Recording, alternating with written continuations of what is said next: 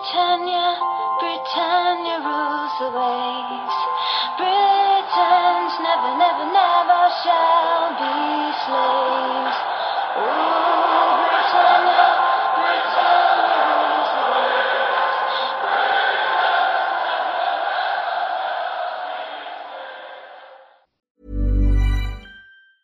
Hiring for your small business? If you're not looking for professionals on LinkedIn, you're looking in the wrong place. That's like looking for your car keys in a fish tank.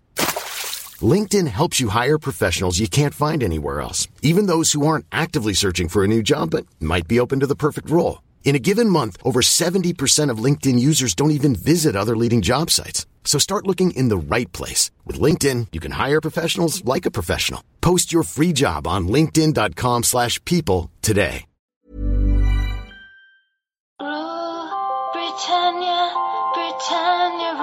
Slaves. Britons never, never, never shall be slaves. Ooh, Britannia, Britannia.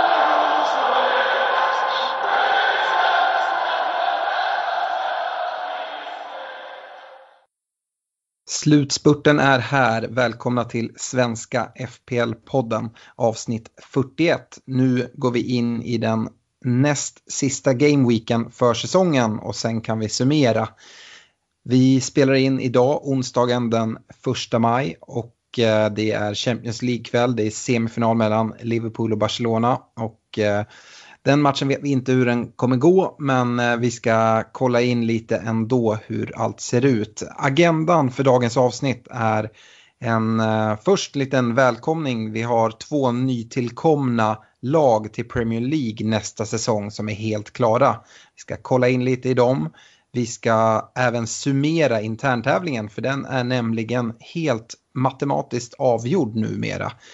Vi har såklart en eh, laggenomgång där vi har väldigt mycket att säga om några få lag och väldigt kort om många andra lag som befinner sig i ett ingenmansland helt enkelt. Kikar in i poddligan, är det avgjort än? Vi har sett ett litet ryck men eh, se om det är någon som sprattlar till.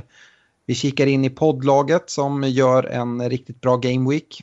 Eh, vi kommer med veckans rekommendationer precis som att vi följer upp förra veckans såklart. Och avslutar med en drös lyssnarfrågor. Och eh, med det Stefan så hälsar vi välkomna Norwich och Sheffield United nästa säsong i Premier League. Ja, vi får se om eh, de gör det bättre än eh, årets nykomlingar som alla ligger på nedflyttningsplats i skrivande stund, eller inspelningsstunden här. Ja, Huddersfield eh, var ju även i Premier League förra säsongen. Ja, det stämmer bra ja. Wolverhampton är ganska långt ifrån nedflyttning.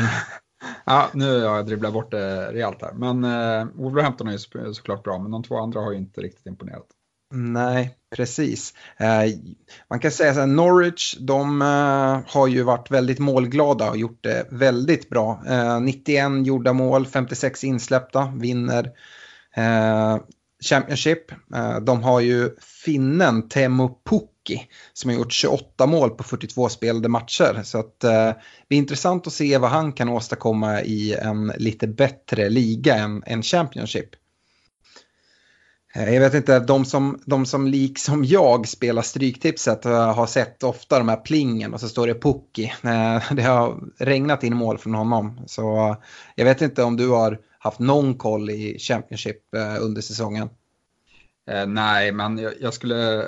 Det ska mycket till om jag ska byta in en finne i Fantasy Premier League. ja, vi får se.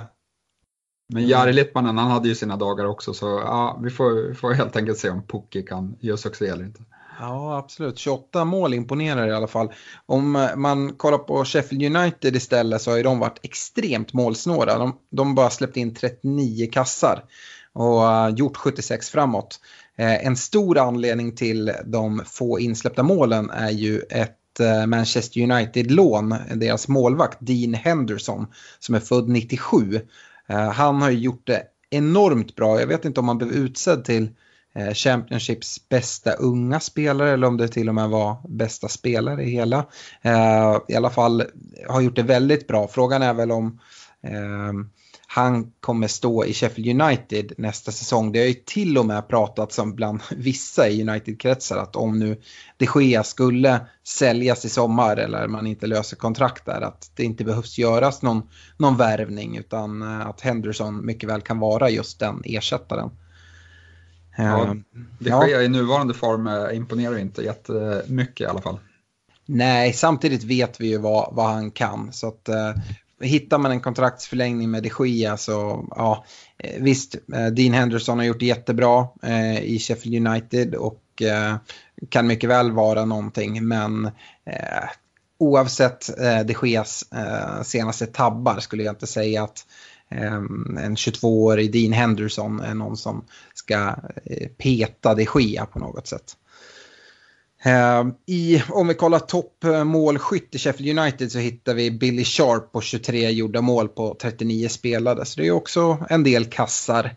Ehm, vi gör väl precis som förra säsongen tänker jag. Det ska ju ansluta ytterligare ett lag efter lite kvalspel här i, ehm, som en nykomling till. och inför säsongen så djupdyker vi väl lite i de här nykomlingarna, ser om vi kan hitta några eh, spelare som vi, vi tror en del på. Vi kan väl även förvänta oss att något av lagen kommer göra en del större investeringar och sådär och eh, fylla på med några spelare. Så att, eh, vi gör en sån genomgång närmare eh, starten av eh, säsong 1920. Eh, men eh, med det så hoppar vi vidare till interntävlingen, Stefan. Ja, det, det slutar ungefär som det börjar med katastrof för mina val. Eh, och, nej, det har väl varit eh, lite melodin. Ja, det står ju totalt 18-11 nu efter den här omgången då jag vann 2-0. Det blev oavgjort på mittfältskampen men sen så rejäla överkörningar på försvar och anfallssidan. Totalt är, står det alltså 18-11, 6 poäng kvar att spela om så att eh, ja, det är avgjort. Vi har inga val för den här utan vi kan bara konstatera att det är eh, du som kommer få ta emot ett eh, härligt straff här framöver. Nej, det, det känns inte alls bra, men eh, jag har haft det lite på känn de senaste veckorna här. hamnade i ett stort underläge från början och det har väl inte varit bra rent eh, uttagsmässigt heller. Nej, bara kort summering. Du, du gick ju bet på ditt försvars och anfallsval. Trippier och Firmino, ingen spelade en enda minut. Och mina spelare levererade riktigt bra. Så även om de hade spelat har jag svårt att de skulle passera Trents 10 pinnar och Vardis 13 pinnar. Ja, nej, det hade varit eh, väldigt svårt. Eh, mittfältskampen då slutar ju oavgjort 2-2 på Hazard och Son som inte fick någon, någon leverans, men vad gör det? Eh, straffet då som väntar är ju eh, lite van Persie-betonat. Eh, dels så ska jag bestämma en dag då du ska eh, ha en United-tröja med van Persie eh, på ryggen. Och eh, sen så även att du ska få byta eh, din Facebook-bild och, och, omslagsbild till den här eh, bilden när det är Guard of Honor för, eh, eh, för van Persie på, på Emirates när United har vunnit ligan. Eh, jag, jag ska inte säga för mycket men planen är väl kanske att vi ska försöka få till att vi eh, kollar ett eh, Arsenal United eller en Arsenal United-match tillsammans någon gång nästa säsong och att du då får ha United-tröjan på dig med van Persie på ryggen och sådär. Kanske någon livesändning på Facebook och sådär vi kan bjussa på också. Ja, det låter riktigt äckligt faktiskt. Härligt. Eh, då har vi summerat interntävlingen och vi, det är väl lika bra att hoppa in i den här laggenomgången. Och, eh, jag kan väl börja med eh, högaktuella Liverpool som spelar mot Barcelona och eh, matchen har väl eh, nyligen dragit igång här nu när vi spelar in. Eh, de eh, 74 poäng som skilde Liverpool och Huddersfield åt, eh, Huddersfield åt inför den här matchen visar sig tydligt i 5-0 överkörningen. Eh, redan efter 15 sekunder hade Keita gjort 1-0 assisterad av Salah. Och eh, det blev fullständig jackpot för de som hade sparat triple captain till denna singelvecka och satt den på skytteligaledaren Salah. 57 pinnar blev man då belönad med. Och eh, även om man inte hade kvar triple captain kunde man ändå glädjas om man hade följt vår starka rekommendation att fylla upp sin Liverpool-kvot i spelet. Eh, att det var Liverpools mest FPL-ägda spelare som levererade i form av Salah 19 pinnar, Robertson 14 pinnar, Mané 13, Trent 10. Det skadade inte. Eh, och det var inte alls omöjligt att efter fredagen eh, se lag som satt med poäng över 80 med endast tre spelare som hade spelat och jag tror faktiskt aldrig jag har sett något liknande. Det, det ska även sägas att alla av de här spelarna tar tvåsiffrigt med poäng och eh, hade faktiskt känt på ännu mer poäng om bollarna bara hade studsat rätt. Så Mané hade någon stenhård nick i stolpen och det var lägen till höger och vänster både för assist och mål.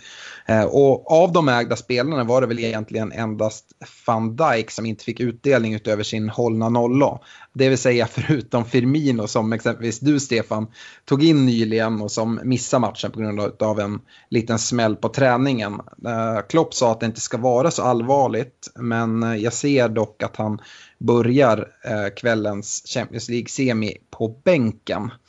Tillbaka i startelvan fick vi se Lovren, vilket gjorde Matip som ändå har gjort det bra här, eh, fick finna sig med bänken.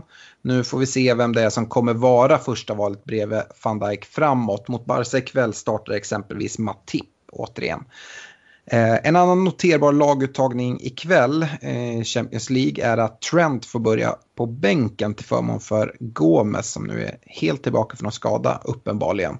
Eh, vi har eh, även talat om lag som har mycket att spela för och självklart så har Liverpool det. De spelar ju för, för ligan även om City eh, ångar på. Eh, men eh, även sett till spelarna så tycker jag man ska kolla vilka som har något att spela för. Då tänker jag kanske framförallt på sådana här skytteliga-vinster eh, eller spelare som spelar för ett ja, men för en transfer i sommar och liknande. Både Mané och Salah faller ju in under den här skytteliga Eh, och det gör att jag menar att det mest optimala just nu är att ha dem båda i Liverpool och sen med Trent eller Robertson i försvaret som kompletterar. Eh, men jag som exempelvis redan sitter med Trent och Robertson och sen Mané framåt kommer ju inte att göra något byte utan eh, jag är ganska nöjd där. Jag tycker Trent och Robertson eh, känns väldigt bra. Nu som sagt spelar Gomes ikväll men det kanske bara talar ännu mer för att Trent kommer starta till helgen i ligan. Eh, de två matcher som Liverpool nu har kvar det är Newcastle borta eh, till helgen och därefter Wolves hemma i ligaavslutningen. Ehm, ja, Stefan, eh, innan jag släpper iväg dig med, med, nästa lag som jag kan tänka mig är deras konkurrent i ligan City så får du ju gärna säga någonting om hur det känns att sitta där med Firmino. Ja, som kapten dessutom. Eh, så det sved ju oerhört eh, när man visste att det skulle bli en överkörning på förhand och mycket riktigt så så, eller hade på känn att det skulle bli en överkörning i alla fall. Eh, och mycket riktigt så, så blir det 5-0 och poäng till alla spelare. Förutom Firmino då, som inte kom till start. Eh, så det, det sög ju rejält. Men eh, det är bara att slicka sina sår. Som tur var så hade jag privat ett rätt bra lag i övrigt som plockade in en del pinnar så att jag tappade inte allt för mycket. Nej, men det var Eh, det var väl egentligen allting kom i snegunga här och du skyller väl på den här utvisningen som, eh, som Dini får emot sig mot Arsenal. Ja, jag hade ju laddat upp för att hade råd att ta in både Mané och Salah. Eh, sen hamnade jag i panik när Dini fick rött kort inför dubbelomgången där och var tvungen att göra ett forwardsbyte. Ja, så kan det gå. Det är så små marginaler i fantasy ibland. Eh, men vi ska släppa det och så ska du få fokusera på eh, vad jag antar är Manchester City. Ja, absolut, jag kan väl bara tillägga det att jag tror inte att eh, Liverpool kommer att stå för någon mer eh, utskåpning här. Både Newcastle och Wolves eh, försvarsspel sätter jag betydligt högre betyg för än, än Huddersfields. Så jag tror att sitter man med två Liverpool-backar så ska man nog ha kvar dem. Det, det känns smart. Men Manchester City då, deras seger satt ju rätt hårt inne mot Burnley. De vinner med 1-0 och det var en boll som knappt var över mållinjen. Man såg det Eh, inte ens på reprisbilderna men eh, teknologin sa att den var några millimeter över. Eh, och, men, men man ska väl ändå säga att de vinner fullt rättvist. De skapar väldigt mycket chanser mot, mot Burnley och trycker tillbaka dem. Och tids nog ska ju bara bollen trilla in och hade inte Aguero fått in den kassen så tror jag att det hade kommit något mål på slutet där. Eh, men som sagt, eh, precis som Liverpool spelar för titeln och eh, jag skulle säga att det är en no-brainer att ha tre från Manchester City. Det är dessutom nu som de får den här extra vilan av att ha åkt ut Champions League. De har ju matchats hårt här senaste tiden men nu har de en hel vecka där de får vila upp laget. Så de kommer komma taggade och utvilade till nästa match och det kommer nog synas. Jag tycker att det finns inget givet val hur man ska sätta upp eh, laget för att eh, City har eh, tajtat till sitt försvarsspel rejält här nu på slutet och släpper inte till så mycket chanser. Så jag privat har till exempel Ederson och Laporte i laget och de har dragit in rejält med pinnar så det är en valmöjlighet. Men om man vill gå lite mer offensivt då är det Sterling och Aguero man ska, ska vända sig mot. Och jag ser inte hur de ska tappa några poäng här på slutet. De har Leicester och Brighton kvar. Ja, Eh, jag tänker gå in på det andra Manchester-laget och mitt kära Manchester United. De hade ju en topp 6-match här mot Chelsea och eh, vi fick se Baji från start bredvid Victor Nilsson Lindelöf. Eh, dock byts Baji utskadad i andra halvlek och in kommer den galne argentinaren Rojo. Och eh, just Rojo ska vara väldigt glad att han slipper syna det röda kortet efter en patenterad Rojo-glidtackling det vill säga sträckt ben med dobbarna före.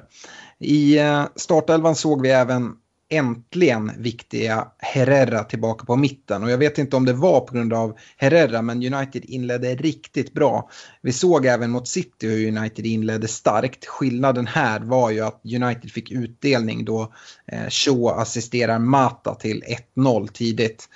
Och eh, det jag tycker är det allra finaste från det här målet, det står ändå Lukaku för. Han gör en så kallad hockeyass, det vill säga spelar fram Shaw som i sin tur får den riktiga assisten. Men eh, ja, riktigt snyggt.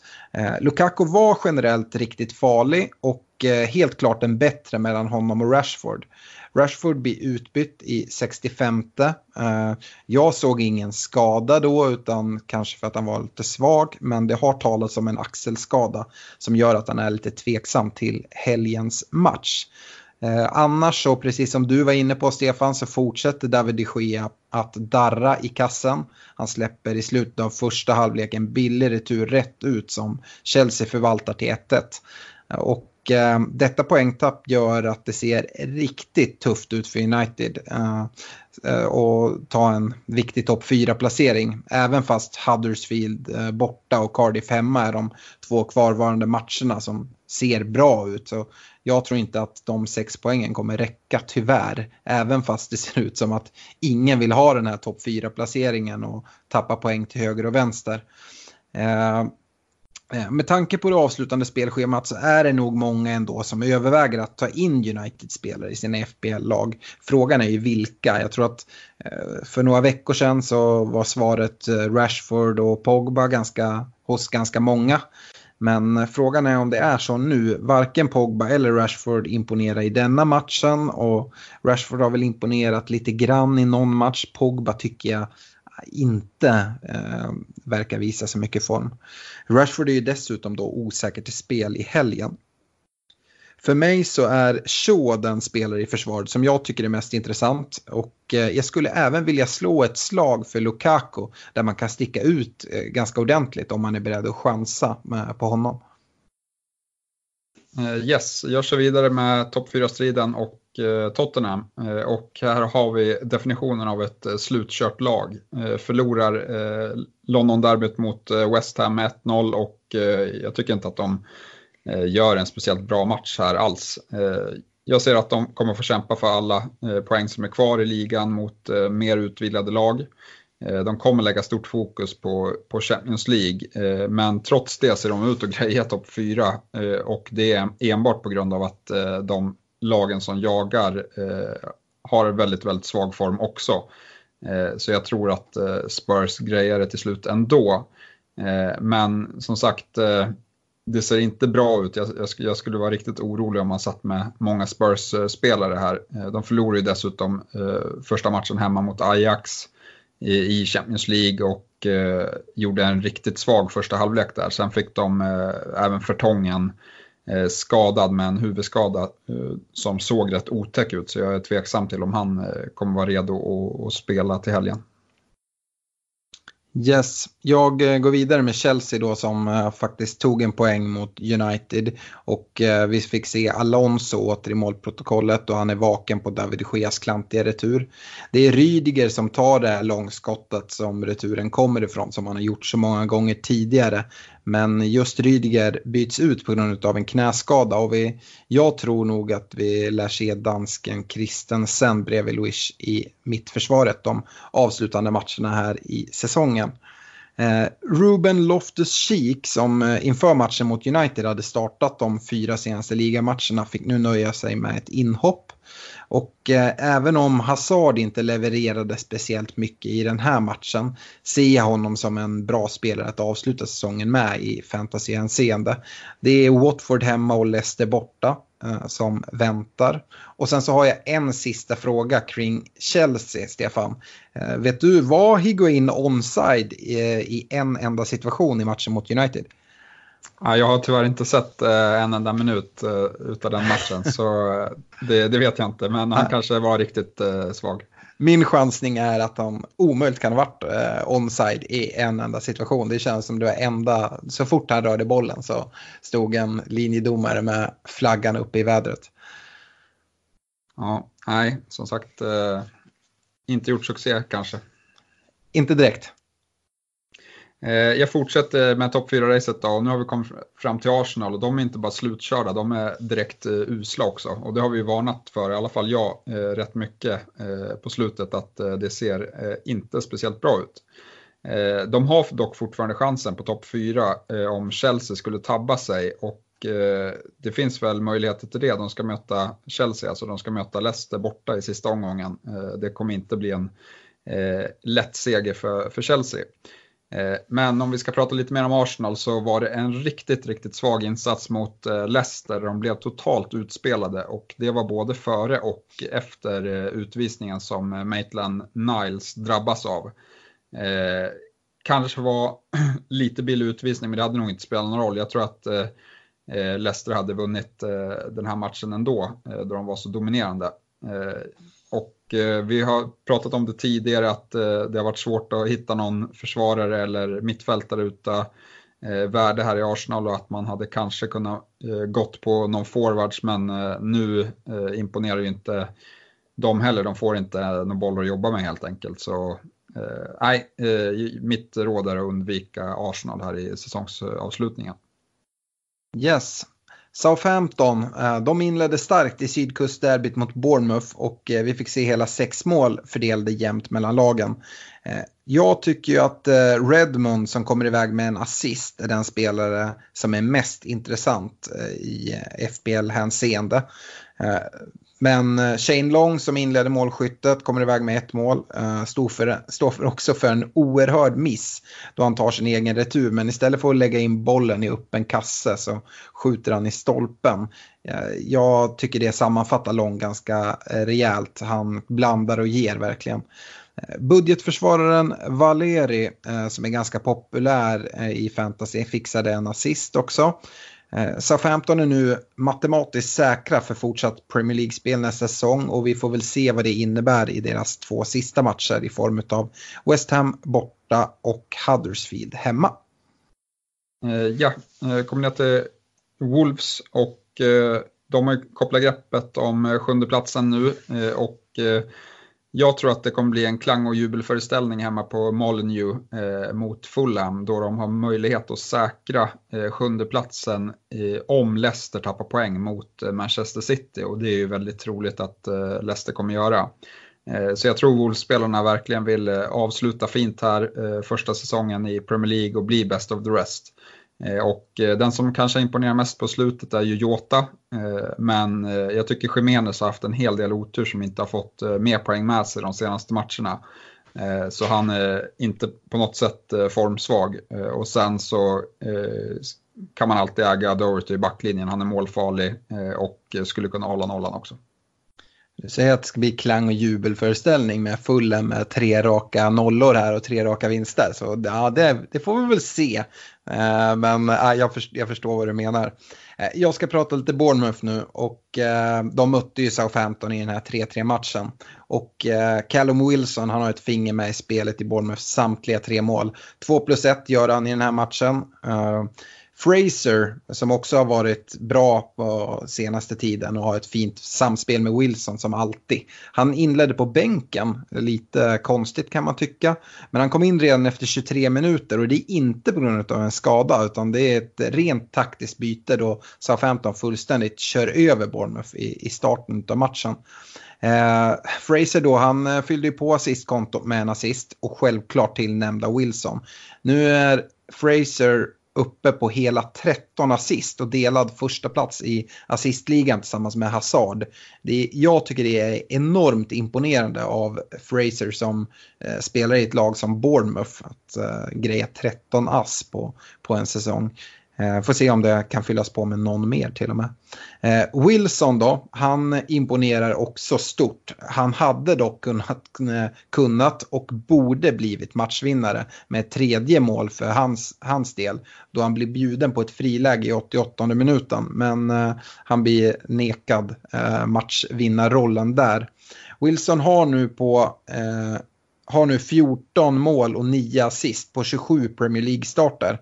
Och eh, ja, jag vet inte om Bournemouth kommer kunna behålla honom. Jag tror att det kan vara många som rycker och drar där och kanske, ja men Chelsea behöver ju en anfallare, det ryktades en del i januari exempelvis. Så att eh, ja, vi får se.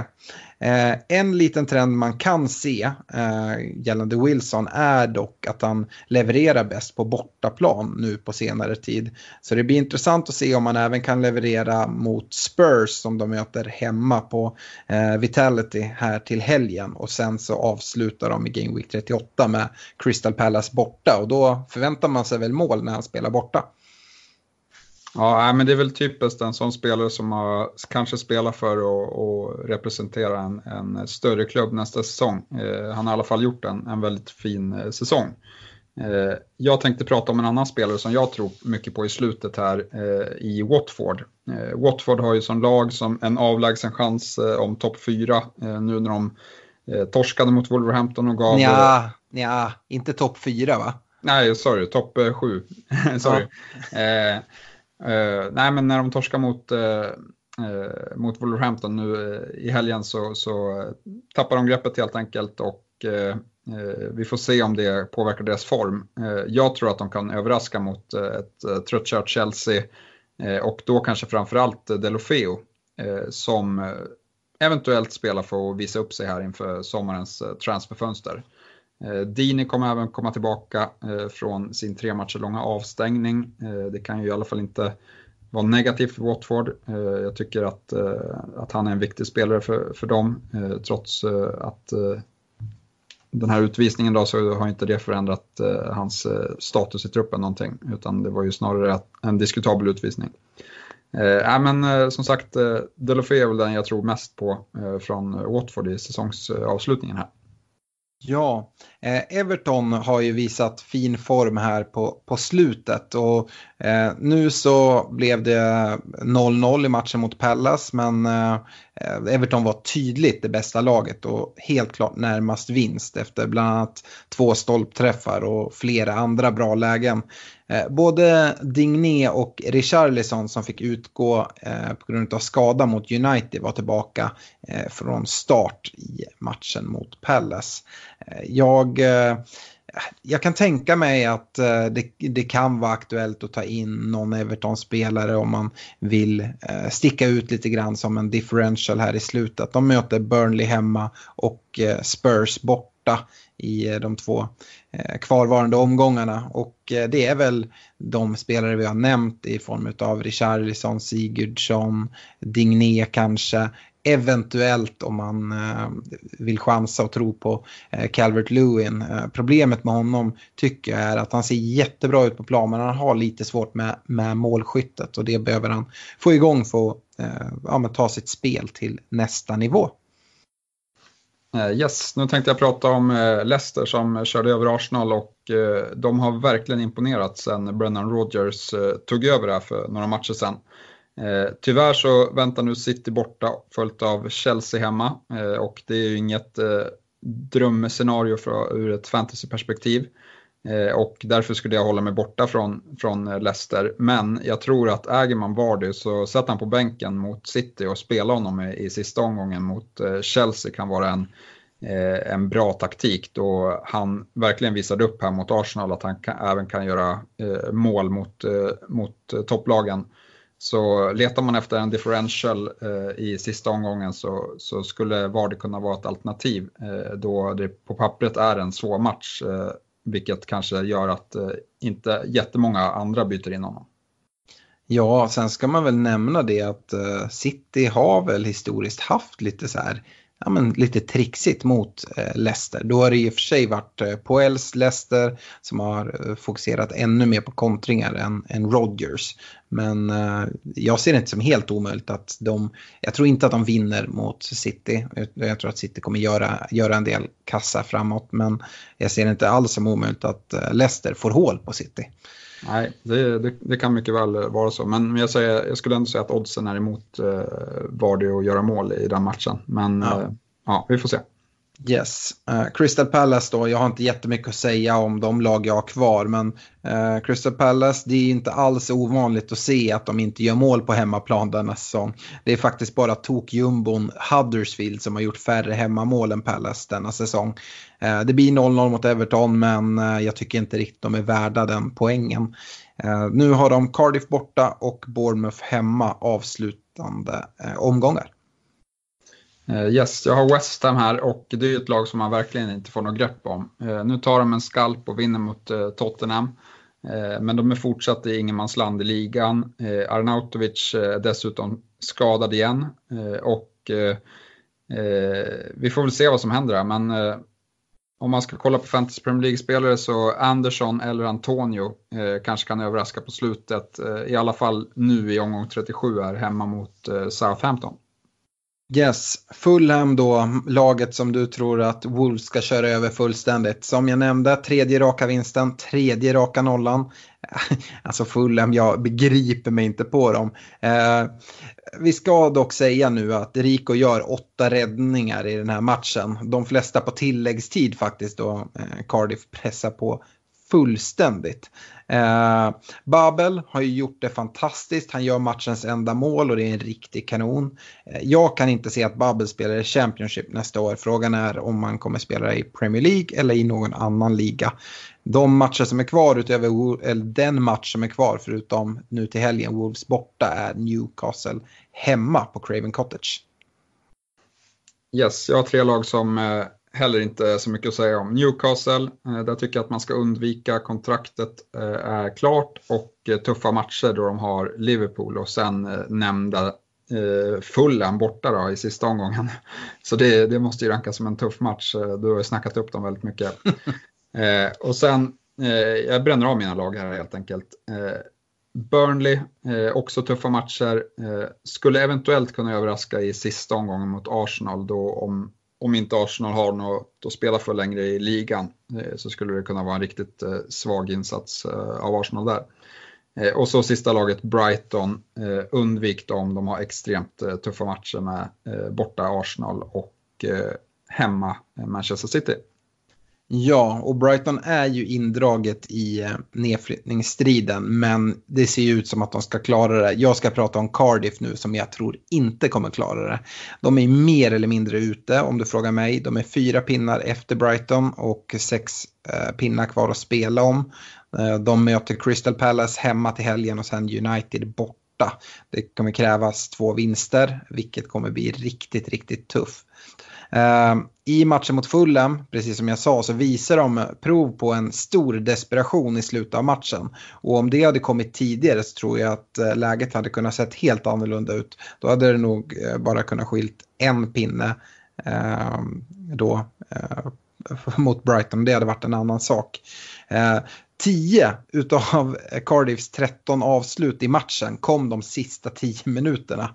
Och eh, ja, den desperation de visade upp där i slutet kommer behövas i 180 minuter nu mot Crystal Palace och United om det ska finnas någon chans till fortsatt eh, Premier League-spel. Men jag betvivlar det ganska starkt. Och sen avslutningsvis då Huddersfield. Jag har absolut inget att säga om Huddersfield förutom att de möter United hemma och SA-15 borta. Så att United och SA-15-spelare borde vara av intresse. Det är laggenomgången och eh, Ja, vi har ju sagt det är många lag som ligger lite så här i ingenmansland och vi har sagt att man bör kanske ha tre Liverpool-spelare, tre City-spelare. Men eh, Stefan, vilka andra lag ska man fylla på med spelare ifrån? Ja, eh, jag tycker ju Wolverhampton ser, eh, ser fina ut. Eh, kanske inte för sista omgången, så det är en, en, en chansning för 37an då, men eh, ja, eh, i övrigt så är det väl, det finns ingen som jag riktigt tror kan överraska. Redmond kanske kan göra det bra i båda sina avslutande omgångar. Eh, mm. Så, men United skulle också kunna göra det, men de visar ju som sagt inte upp någon, någon direkt form här. Det, det skulle kunna bli lite plattfall där också. Ja, det är jättesvårt med United tycker jag. Det, tar man in spelare därifrån så gör man det på grund av matcherna och inte på grund av någon slags form. Men som sagt, jag tyckte Lukaku såg riktigt bra ut och ägs inte av många så det kan ju vara en chansning. Eh, vi ska kika in här i, i poddligan och den leds faktiskt med hela 25 poäng nu när vi går in så här i, i slutomgångarna utav Alexander Meltoft på första platsen. Han eh, skrapade ihop eh, 108 pinnar den här gameweeken efter triple captain på Sala. Totalt sett har han alltså 2406 pinnar och ja, det imponerar, imponerar stort på, på mig. Eh, Alexander går ju, går ju, leder ju vår liga men går generellt sett väldigt bra. Eh, han ligger på tredje plats i Sverige och på 127 plats eh, overall i hela, hela världen. Så att, eh, riktigt starkt jobbat. Eh, både vår tvåa och trea gör det ju också riktigt bra. Eh, Donald Fallström som ligger tvåa, eh, 85 pinnar den här gameweeken. Totalt då 25 pinnar efter och då eh, 2381 pinnar. på tredje plats hittar vi Aron Lundborg som jag tror inte vi har haft inne på topp tre Ehm, eh, tidigare. Så han eh, kommer här på slutet. 92 poäng tog han och eh, totalt 2375. Nu i alla fall bland de här topp tre grabbarna så ser vi att alla chipsen är spelade. Så om man ligger precis där bakom och på något sätt har lyckats spara något chip så kanske kan man göra någon kamp och slå sig in i, i på prispallen topp tre. Eh, poddlaget jag tror vi får acceptera att vi inte kommer komma topp tre va Stefan? Nej det kommer vi nog inte göra nej. Eh, men eh, vi använder ju inget chip eftersom att de är slut sedan länge. Men tar ändå imponerande 103 poäng. Eh, average den här omgången låg på 69 men jag tror det är mycket Ghost Chips som drar ner det. Det är många som hade Liverpool-spelare och därför fick bra omgångar. Men 103 är faktiskt riktigt bra utan någon triple captain. Eh, totalt ligger vi på 2287 poäng. Men eh, ja, vi är 119 poäng bakom ledande Alexander Meltoft. Så att ah, vi får nog ge upp den, den delen. Ja. ja. Nej, men som sagt, vi är, vi är på väg mot vårt eh, säsongsmål och komma topp 10 000. Eh, så det tycker jag är riktigt kul. Ja, det gäller att hålla i bara. Det, det kan gå snabbt om man bara gör någon, någon liten miss nu. Um, om man summerar den här omgången så kan vi väl säga det utöver våra tre Liverpool-spelare, Robertson, Trent och eh, kapten Mané som tillsammans tog 50 poäng så tar exempelvis våra tre anfallare 36 poäng i Wilson, Vardy och Jimenez. Så att, eh, det är en riktigt fin omgång faktiskt. Så att, eh, Nej, jag ser fram emot uh, de avslutande två omgångarna med tillförsikt. Dessutom så gjorde vi inget byte så vi har två gratisbyten här inför Game Week 37. Vi har inte snackat ihop oss riktigt så vi får väl se vart vi landar i de bytena. Men något byte ska ju absolut göras. Ja, vi har ju bara en City-spelare. Det kanske är aktuellt eh, att förstärka där lite. Ja, Uh, och när man ska förstärka då kan det vara bra att lyssna på våra rekommendationer och uh, de kommer vi med nu. Det var eh, ganska fina rekommendationer förra veckan. Eh, på försvarssidan så rekade jag Robertson 14 pinnar och du Laporte 9 pinnar. Uh, yes, uh, nej, men det, var, det var en fin uh, poängskörd där. Uh, tycker att det är väl de två, två lagen som gör upp om titeln här och där ska man äga spelare helt enkelt. Ja, Robertson hade ju känt på en mer poäng faktiskt. Eh, utöver hans 14 pinnar som han tar. Så att, eh, nej, eh, Robertson är riktigt fin tycker jag. Eh, den här veckan så har jag grävt i eh, lag utanför Liverpool och City. Eh, för jag förväntar mig att man har fyllt upp med sin kvot med de spelarna. Men Luke Shaw i United är ändå en spelare jag absolut kan tänka mig att plocka in. Han möter ju nu Huddersfield och Cardiff och det borde även om David de Gea sett lite risig ut kunna bli två nollor här. Ja, det tycker jag är en bra rek eh, och eh, med de premisserna att man tittar utanför. Jag upprepar min rek på Laporte. Skulle jag välja någon annan eh, utanför City och Liverpool så skulle det vara Doherty i Wolverhampton. Yes, trots att de har Liverpool borta i Game Week 38. Ja, jag tror att som sagt att det blir en 3-4-0 här mot Fulham så då tror jag att det är värt. Mm. Uh, mittfältet, uh, jag rekade Sala, 19 pinnar, inte så tokigt. Uh, Sterling rekade du, där blev det tre pinnar. Ja, det var ingen, ingen bra utdelning. Uh, men jag vidhåller att han är en extremt bra spelare att äga in i mål här. Han har haft lite tung period sett uh, rent poängmässigt, fantasypoäng. Eh, ja, eh, han har ju spelat extremt mycket så jag tror att eh, eh, den här vilan som, som eh, kommer nu med en vecka till nästa match kommer göra honom gott. Eh, han, han, har säkert gått lite på, på sparlåg eller på sista energin här ett tag. Eh, men uppenbarligen eh, så har Guardiola ändå tyckt att han är tillräckligt eh, bra och viktig för City att han har, måste spela alla matcher.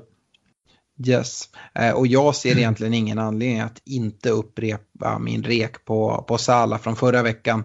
Eh, nu eh, sist jag, jag kollade till matchen mot Barcelona här så låg Liverpool under med 1-0 och det är väl det som man kan känna att ja men hur ska de göra? Men Liverpool kan inte, de har inte råd att vila några av sina toppspelare i ligan. De måste gå all in och hoppas på att Eh, eh City ska snubbla någonstans. Så att uh, Salah visar jättefin form och uh, ja, han är fin om man har råd eller på något sätt kan få in honom. Ja, det håller jag med om. Och som sagt, jag, jag upprepar min rek på Sterling. Och igen, skulle man gå utanför då skulle jag, skulle jag nog luta mot Jota eller Redmond i Southampton. Mm. Eh, Forwardsreken då från min sida var ju Firmino som, som inte kom till spel. Eh, så noll pinnar. Du eh, rekade Agüero som gör eh, Citys enda mål och skrapar upp nio pinnar. Eh, ja, men eh, det, det är ju fortsatt eh, när man rekar spelare från topp två så de, de kommer ju alltid vara där och ta poäng. Ofta. Eh, så det, det är väl lite så. det är men jag tycker att Agüero ser bra ut. Eh, han, han kommer garanterat spela de två sista matcherna och eh, nej, han, han har ett starkt kort från, från min sida återigen. Ja, jag förväntar mig också att Agüero startar de två avslutande matcherna här nu. Precis med den här vilan som du nämner, att de har en vecka mellan matcherna. Så att Agüero är min forwardsrek även, även denna vecka. Eh, förstod jag dig rätt att det också var, var din rek? Ja, eh, absolut. Och jag skulle vilja säga någon från United här som, eh, som ett annat alternativ. Men jag vet inte, jag tycker Rashford, ja det är lite osäkert med honom och ja. Mm. Sen har jag Lukaku på ett annat ställe i rekommendationerna. Har du också valt honom som differential? Det stämmer bra. Mm. Jag har honom också där, vi kan hoppa dit på en gång. Eh, spelare under 5%. Om vi bara först går igenom kort. Jag hade valt Jurente, du hade valt Redmond. Redmond är fortfarande en bra shout. Fem pinnar tog han med en ass. Jurente fick bara en pinne. Men eh, om vi fokuserar på Redmond tycker jag ju det är ju en bra spelare, det har vi nämnt. Eh, och intressant med 15 spelschema. Dock så är de ju helt matematiskt klara och vi vet inte riktigt vad det kommer, kommer innebära. Eh, Lukaku då, eh, det är ju en chansning, det får man ändå säga. Men eh, spelschemat talar ju verkligen för honom och eh, det kan vara den spelare som gör att man tar in en Eh, poäng i sina kompisligor och skulle det till och med vara så att man sitter kvar med sin triple captain så varför inte skicka in den nu mot Huddersfield? Då tror jag verkligen man kan sticka ut. Sen så det, kan det mycket väl sluta då att man får en sån triple captain omgång som, som jag brukar få när jag spelar den men jag tycker att potentialen att sticka ut ordentligt finns där. Absolut. Uh, Yes, det är vår differential-spelare. Vi hoppar tillbaka lite då. Vi brukar ju ta differential sist. Men eh, varningsflagga, det gjorde jag för Newcastle. Eh, mycket på grund av Almirons skada. Eh, de fick ett oavgjort senast, men eh, ja, eh, den, den står kvar från min, min, sida. Du Stefan var ju helt rätt på det, sa att lag med Europaspel, eh, eventuellt då bortsett från Liverpool, eh, 5-0 blev det ju där, men Eh, ja, de, vi ser ju hur eh, Arsenal, Chelsea, Tottenham eh, verkligen håller på och hackar. Eh, så att eh, ja, den, den får väl också kvarstå i sig. Ja, absolut. Det var ju bara, nu mötte ju United och, Chelsea varandra. Så, men, men det har ju såklart slitit oerhört på spelartrupperna här och varit med. Och, de här tre lagen som du nämnde, de ska ju ut och spela i Europa Tottenham gjorde det igår och eh, Chelsea och Arsenal ska göra det imorgon. Eh, så det är ingen slut på den här eh, utmattningen av spelartruppen utan jag tror att de kommer få extremt jobbigt här i säsongsavslutningen. Mm. Har du någon ny varning nu här mot slutet av säsongen? Nej, det är Europalagen. Mm. och det är väl liksom så det är sällan man sitter och säger att man ska undvika lag som ligger liksom topp topp 6 i, i, Premier League i ett spel som handlar om att göra så mycket mål som möjligt eh, eller hålla så mycket nollor som möjligt. Eh, så det är lite ovanligt men eh, jag tycker att inget av de lagen visar upp speciellt eh, bra form eller några tendenser till att, att eh, kunna vända på det här. Mm. Tycker du till och med liksom en spelare som Hazard att man kanske ska kika mot att byta ut honom eller för det är en spelare jag annars tror en del på här i, i slutet. Nej men Hazard skulle väl kunna vara undantaget här. Jag har väl pratat lite om Son också som, eh, som var avstängd i Champions League, att han kanske ändå inte är helt eh, slut. Men han ska ju få bollar att jobba med också, det gäller väl till viss mån Hazard också, men Hazard kanske kan göra lite mer själv då, då han brukar kunna dribbla av en 3-4 man. Så ja, men Hazard är väl också den jag tror mest på egentligen. Ja, och min varning kommer vara en sån här fegisvarning som vi har blivit beskyllda för tidigare. Och det är att ta mycket minus så här i slutet. Eh, jag i alla fall är, eh, brukar tänka att jag kan tänka mig att ta minus om det är någon spelare jag verkligen vill få in på lite sikt och ha kvar i laget. Men tar man de här minusen nu finns det inte så många omgångar att hämta in de här poängen på. Så att eh, jag drar mig för att ta minus fyra men eh, man ska enligt mig absolut inte ta mer än minus fyra poäng de här två avslutande omgångarna. Eh, vad, vad, säger du om eh, minuspoäng så här i slutet Stefan? Har du någon annan syn på det eller?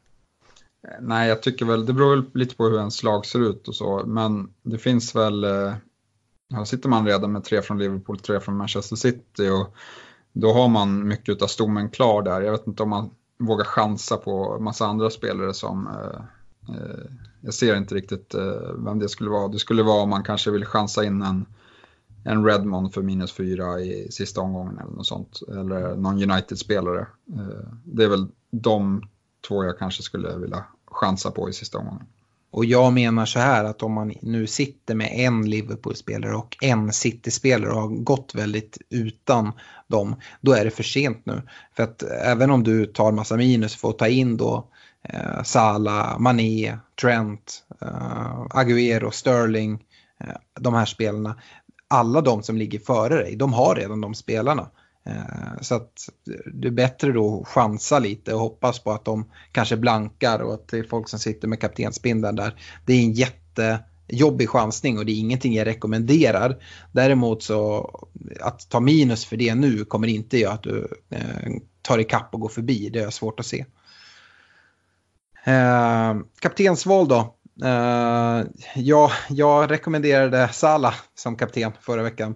Uh, det föll ju väl ut. Uh, du, Stefan, var lite feg och sa Liverpool generellt. och det, det funkade ju också. Du nämnde ju kanske in, sa att det var lite risky att ta försvararna. Det var det ju inte, visade det sig. Eh, och det som var mest risky det var att göra det val du gjorde och, och ta Firmino. Men det, det var ju på grund av en skada och det, det är svårt att liksom förutse sådana saker. Ja, jag sa även att eh, om jag skulle välja någon eh, utan begränsning så hade det varit Salah. men ja, som sagt, det var ju upplagt för en, en riktig överkörning där och det, det blev det. Så nej, det var grattis till alla som, som fick mycket poäng på sin kapten. Yes. Har du hittat någon självklart bra kaptensval den här veckan? Nej, jag tycker Sterling, eh, Sterling och Agüero lyser starkast eh, för mig. Eh, och eh, ska jag behöva gå utanför City så, och på en lite differential kapten så lägger jag min röst på Jiménez. Mm. Eh, ja, det är svårt att inte backa de här City-rekarna som, som du kommer med. Men eh, jag, jag kastar ändå in eh, en lite sån chansning här och säger vår differential Lukaku. Eh, och det är som sagt för de som inte leder sina ligor utan som vill ta ikapp lite. Jag, jag, tror att man verkligen kan, kan sticka ut där och jag tror att potentialen på, på höga poäng finns där. Eh, som sagt, det är Huddersfield och vi har sett vad de, vad de gör.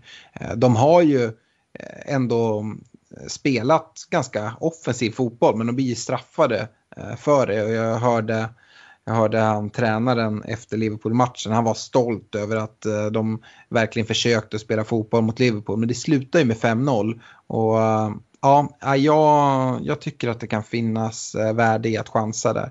Man skulle även kunna chansa med Hazard. Han har gjort extremt fint hemma på Stamford Bridge och ett jättebra facit där. Nu möter de Watford. Eh, och ja, det skulle också kunna eh, vara ett alternativ om man nu inte går på de här spelarna i City eller i Liverpool exempelvis. Eh, differential valet hade vi redan dragit av och sen så ska vi säga det att deadline även denna vecka är en fredagsmatch då. Så att deadlinen är 20.00 på fredag eftersom att Everton och Burnley inleder Game Week 37 klockan 9 på fredag. Så eh, med det hoppar vi in i lyssnarfrågorna. Eh, vi har fått ett gäng här och jag tänker att vi kan börja med Mikael Salander Hellman som skriver så här. Eh, tre viktigaste spelarna att ha i laget förutom pool och city-spelare inför avslutningen. Uh, ja, då vill jag säga, jag vill säga Doherty, Jota och Jiménez. Alltså vad är det med dig med Wolverhampton? Ska, känner du till att uh, de möter Liverpool på Anfield i Game Week 38 eller? Ja, absolut. Ja, jag, jag, jag, kan tycka att man bör ha någon Wolves-spelare, absolut. Eftersom att det är lite brist på, på spelare i, eh, som har något att spela för och som, som ser vettiga ut. Eh, det är väl egentligen för fulla matchen som jag även tänker att du tänker på. Men eh, fylla med tre, tre Wolves-spelare, det tycker jag är lite, lite väl. Eh, jag eh, säger väl att man eh, kan ta någon spelare från United. Eh, kanske Luke Shaw då. Eh, fick ass senast. Jag tror det finns bra chanser för både assist framåt och nollor bakåt i de här två kvarvarande matcherna om man inte bara kollar för Game Week 37 nu. Eh, jag tycker att ska man gå på en Wolves-spelare, det troliga är väl att man har Jiménez, det är väl han har en väldigt hög ägarandel. Så att ja, men han, han tycker jag eh, och kanske då eh, eh, annars Jota. Men jag, jag, skulle inte fylla hela laget med Wolves-spelare. Eh, inte fylla den kvoten. Ehm, ja, jag vet inte. Eh, säg, eh, säg Shaw och Lukaku då. Jag ska tjata in honom. och sen så uh, Jiménez eller Jota. Eh, Visar Balai skriver, jag har triple captain kvar. Eh, vem och i vilken omgång tycker ni jag ska ta den på? Um, ja. Den är lite tricky. beror väl lite på också hur man ligger i sin liga. Som sagt, det finns ju ett case att göra en jättechansning eh, på en spelare som exempelvis Lukaku i den här omgången eller i, i nästa omgång. Uh, annars så, du är ju övertygad om att Wolves kommer köra över fullen. Ja, nej, det är nog mitt, min rek, Jiménez den här omgången. Mm. Men jag känner inte att det är så här jättestarkt på förhand. du skulle hellre haft den på Salla i förra veckan. Ja, det hade jag. Ja, uh, jag, jag tycker det är svårt. Uh, som sagt, det finns, Men, två, ja, det finns ja. två val att göra. Antingen går man på en City eller Liverpool-spelare i den här eller nästa omgång. Och som sagt, Mané och Salah, Aguero, alla de jagar skytteligan. Plus att laget har jättemycket att spela för. Uh, ja, det, det är ju inte dumt att sätta den på någon av de spelarna. Eh, det tycker jag inte. Eh, sen får vi väl se. Liverpool möter Newcastle borta. Se om Benitez vill bjuda gamla Liverpool på, eh, på, på den matchen. Vi får väl Nej, se. om man skulle gå där då skulle jag ändå gå på Citys match i vecka 38 mot Brighton. Det skulle till och med kunna vara så att Brighton redan är klara då om Cardiff tabbar sig i omgång 37. Mm. Eh, och då, om inte City ska köra över Brighton för att vinna ligan, då vet jag inte hur, liksom, då finns det alla ingredienser för att de ska köra över dem i alla fall. Ja, uh, absolut. Bra, bra shout. Uh, Fredrik Norrström då, som vanligt så har han flera frågor men jag tycker de är ganska bra. Han skriver så här, är det värt att ta in Wolves-spelare för Game Week 37? med, tanke, med, med, tanke på att de spelar på Anfield i Game Week 38. Ja, men man får ju se hur stark eh, trupp man har i övrigt såklart. Eh, jag är ju mycket medveten i mitt privata lag att eh, jag kanske inte kommer spela dem i sista omgången eh, eller kanske bara spela en av dem eh, och då i, i, form av Jiménez. Eh, men eh, eh, nej, som sagt, eh, jag har en bra känsla för, för matchen här i, i omgång 37. jag gillar att den är på hemmaplan. sen att det är mot Fulham, det hade kunnat varit mot vilket lag som helst på nedre halvan så hade jag tyckt att det hade varit en bra match för Wolves som jag tror kommer vara taggade. Eh, mm. Nej, absolut, jag ska inte snacka ner Wolves. Jag tror också jättemycket på dem mot Fulham. Eh, däremot så tror jag att de får jävligt tufft mot Liverpool i sista matchen. Eh, och, ja, samtidigt så har de ju gjort det, gjort det bra mot topp 6-lagen. Så att, ja, vem ja. vet. Ja, men Jimenez är väl bra. Sen, om man, sen kan man ju till exempel väga till, eh, ja, men som Jota mot Redmond. Eh, och då får man ju kolla över två omgångar och då kanske eh, Redmond är ett bättre val här, men han skulle kunna göra något mot West Ham och sen Huddersfield hemma i sista omgången, vilket också är en väldigt stark, stark kandidat att ta mycket poäng mot precis som du säger så måste man ju se till sitt eget bygge. Är det så att man har ett väldigt starkt lag i alla fall så kan man ju gå all in på Wolves och sen sätta dem på bänken i Game Week eh, 38. Men om man känner att ah, men jag spelar på bänken som eh, inte ens är startspelare, ah, men då bör man kanske gå på Redmond snarare än Jota. Det är väl lite så man, man bör tänka kan jag tycka. Mm. Eh, en annan fråga då från Fredrik, han skriver, är det någon annan än Pogba och möjligtvis Shaw från United som är intressant med tanke på spelschemat? Och där eh, har ju jag som sagt bollat upp eh, Lukaku. Eh, Pogba, alltså, är kluven. Eh, sett till hur han har spelat, inte så intressant för mig. Skulle jag ha honom skulle jag dock ha jävligt svårt att byta ut honom. Han är ju ändå på straffarna och vi vet det är en humörspelare. Säg att de får tidigt mål och Pogba tycker det är roligt att spela. Ja men då kan det ju komma en del poäng från hans fötter. Ehm, så Pogba, ja men det kan absolut vara en spelare som är av intresse. Ehm, Rashford, får vi besked om att Rashford ändå eh, kommer spela mot, eh, mot Huddersfield nu till helgen så behöver inte det vara, vara dumt. Jag tyckte ju att Rashford såg ganska svag ut mot Chelsea. Däremot veckan innan så tyckte jag att Rashford var den som jag tyckte var mest intressant i United. Och, eh, ja, jag vet inte, det kan ju varit så att Rashford gick och störde sig av den här axelskadan och att det var därför han inte fick ut så mycket men att han har skakat av sig det nu. Eh, men eh, ja, det är de jag tycker, både anfallarna i Rashford, Lukaku, Pogba eventuellt och så då Shaw.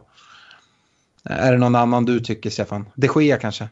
Nej, inte de Gea.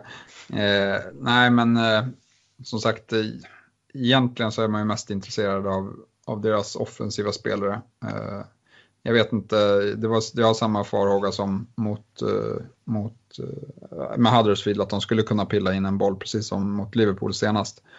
Eh, men som sagt, Shaw är ju ändå med och bidrar offensivt så han är väl en good shout ändå så annars tycker jag väl, hade inte Pogba tagit straffarna då hade jag inte velat haft honom. Nej, men skulle du kunna tänka dig att byta ut honom om du satte honom i bygget? Nej, nej det känns, de kan få en straff i vilken av de här matcherna som helst. Så nej. Ja. Eh, kaptensvalet då undrar Fredrik, det känns ju öppet. Vi har ju pratat och gett våra, vår syn, men han, han nämner fyra kandidater. Salah, Aguero, Jiménez och Pogba.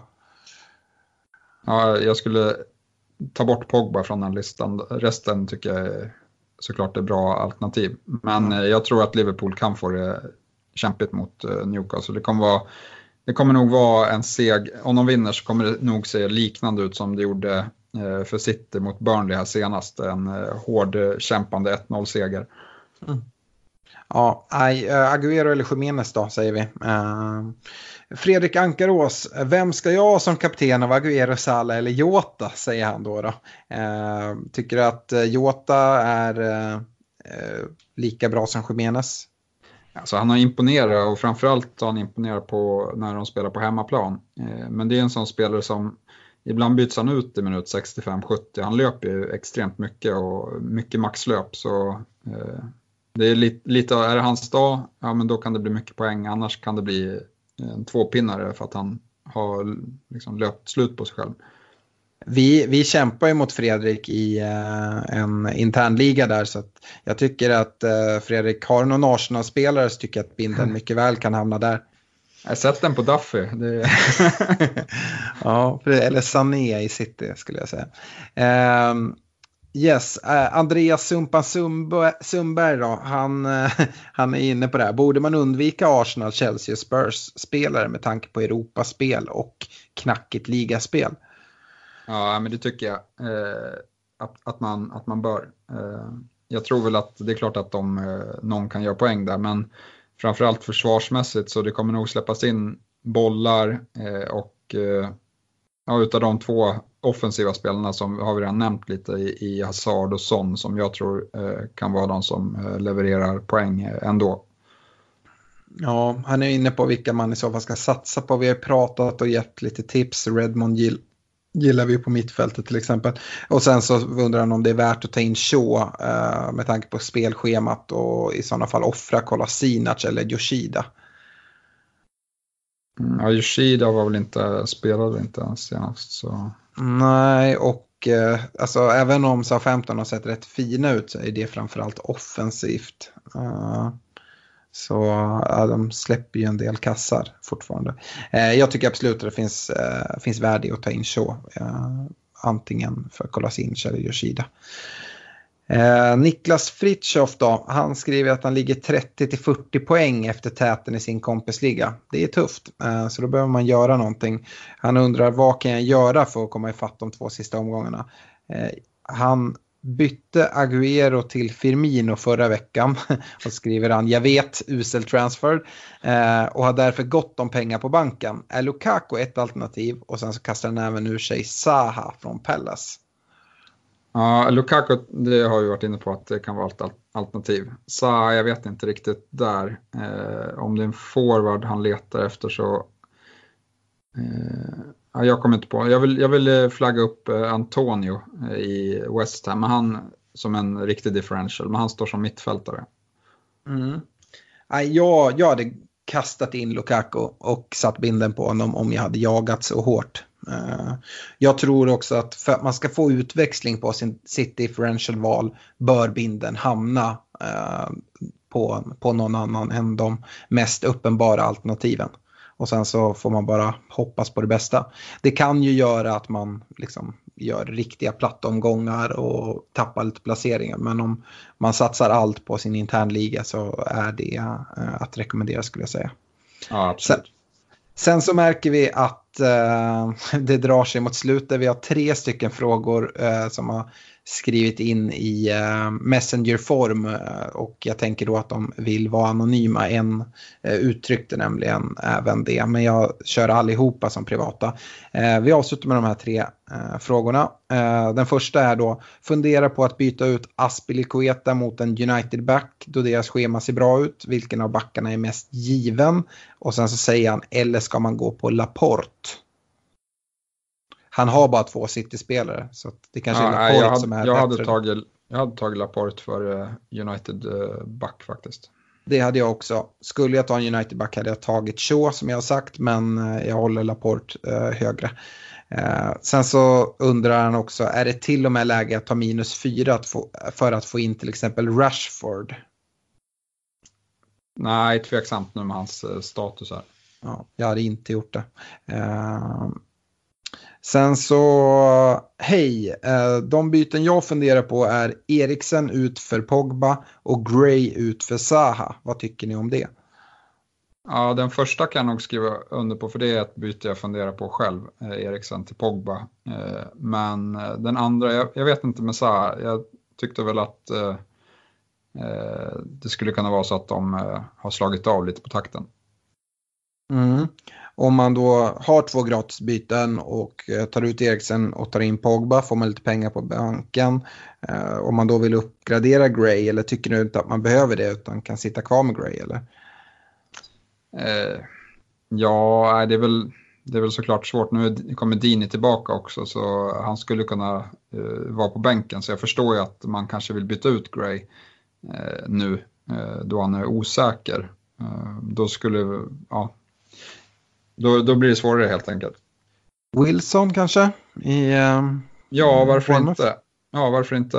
Uh, de ska ändå möta Tottenham som är väldigt uh, slutkörda och sen uh, Crystal Palace borta i sista omgången kan gå hur som helst, kan bli målfest, kan bli ingenting. det, kan, det kan vara en bra shout. Mm, han visar ju bra form i alla fall.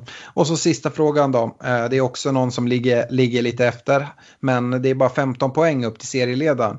Eh, han har triple captainshipet kvar eh, och skriver att han såklart kommer spela det här i någon av de två sista gameweeken.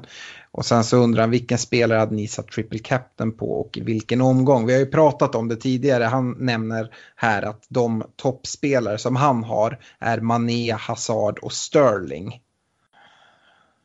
Ja, eh, ja men Sterling i sista omgången, ja, omgång 38, kan vara ett, eh, en kandidat. Mm, Brighton alltså. Mm. Uh, ja, jag, jag tror... Ja, jag tror också jag, jag gillar den. Jag hade nog sparat det i alla fall till, uh, till Game Week 38. Uh, och sen se lite på hur, hur allting har artat sig.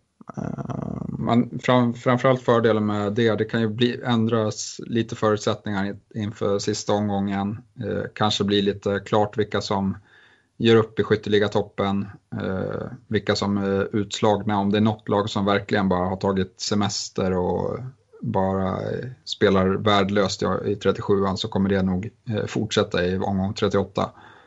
Eh, ja. Lite så tänker jag i alla fall. Ja, precis. Ja, men jag skulle nog också vänta till Game Week 38 om jag nu ändå fortfarande sitter kvar på det. Eh, har man dessutom bara 15 poäng upp till serieledaren och triple captain kvar då finns det goda chanser att kunna göra en riktig sån där skön omkörning i, i sista, sista gameweeken. Precis som jag gjorde på dig Stefan i, i förra säsongen. Ja, men han får ju fördelen av att veta, nu är han 15 poäng bakom och så får vi se vad han ligger bakom eller om man käkar upp det här redan i 37an, eh, då kan det ju vara, ändras förutsättningar. Då kanske han vill försöka kaptena samma eh, spelare som sin konkurrent i sista omgången bara för att eh, ja, skydda sin ledning helt enkelt. Precis. Eh, med det så tycker jag vi stänger ner den här podden och så kan vi kolla andra halvlek av Barcelona-Liverpool. Jag ser att Barcelona leder med 1-0 där eh, från första halvlek. Eh, ha det så bra och stort lycka till nu här i eh, säsongsavslutningen. Vi har två, två uh, game weeks kvar och det finns mycket poäng att hämta. Så stort lycka till till alla och kör hårt. Missa inte deadline fredag kväll. Ha det bra, hej! Lycka till, hej då!